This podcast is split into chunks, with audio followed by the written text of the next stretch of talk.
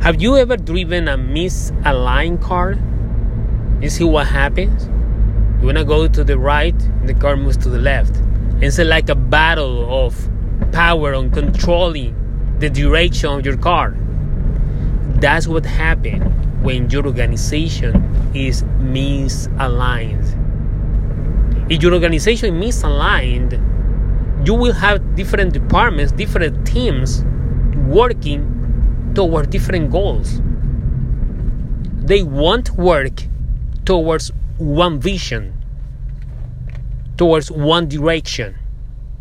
You will have people going to the left while you will have other teams going to the right. And all the power of the organization will be out of the control. You won't reach any goal. You won't reach your vision. You won't achieve success if you have a misaligned organization. Because you lose power, you lose impact, you lose momentum every time that you have misaligned teams with misaligned resources. You cannot have teams working to achieve one different goal from the organizational goal. It doesn't work like that. That's why many organizations fail and many managers and leaders fail because they have lost the power of alignment. If you want to be successful in your organization, your business, you have to create the structure, the systems, the governance to be aligned. You have to have all your people, all your resources aligned towards one goal, towards one mission and vision. Everybody has to go towards one purpose. It's just one purpose, it's one direction.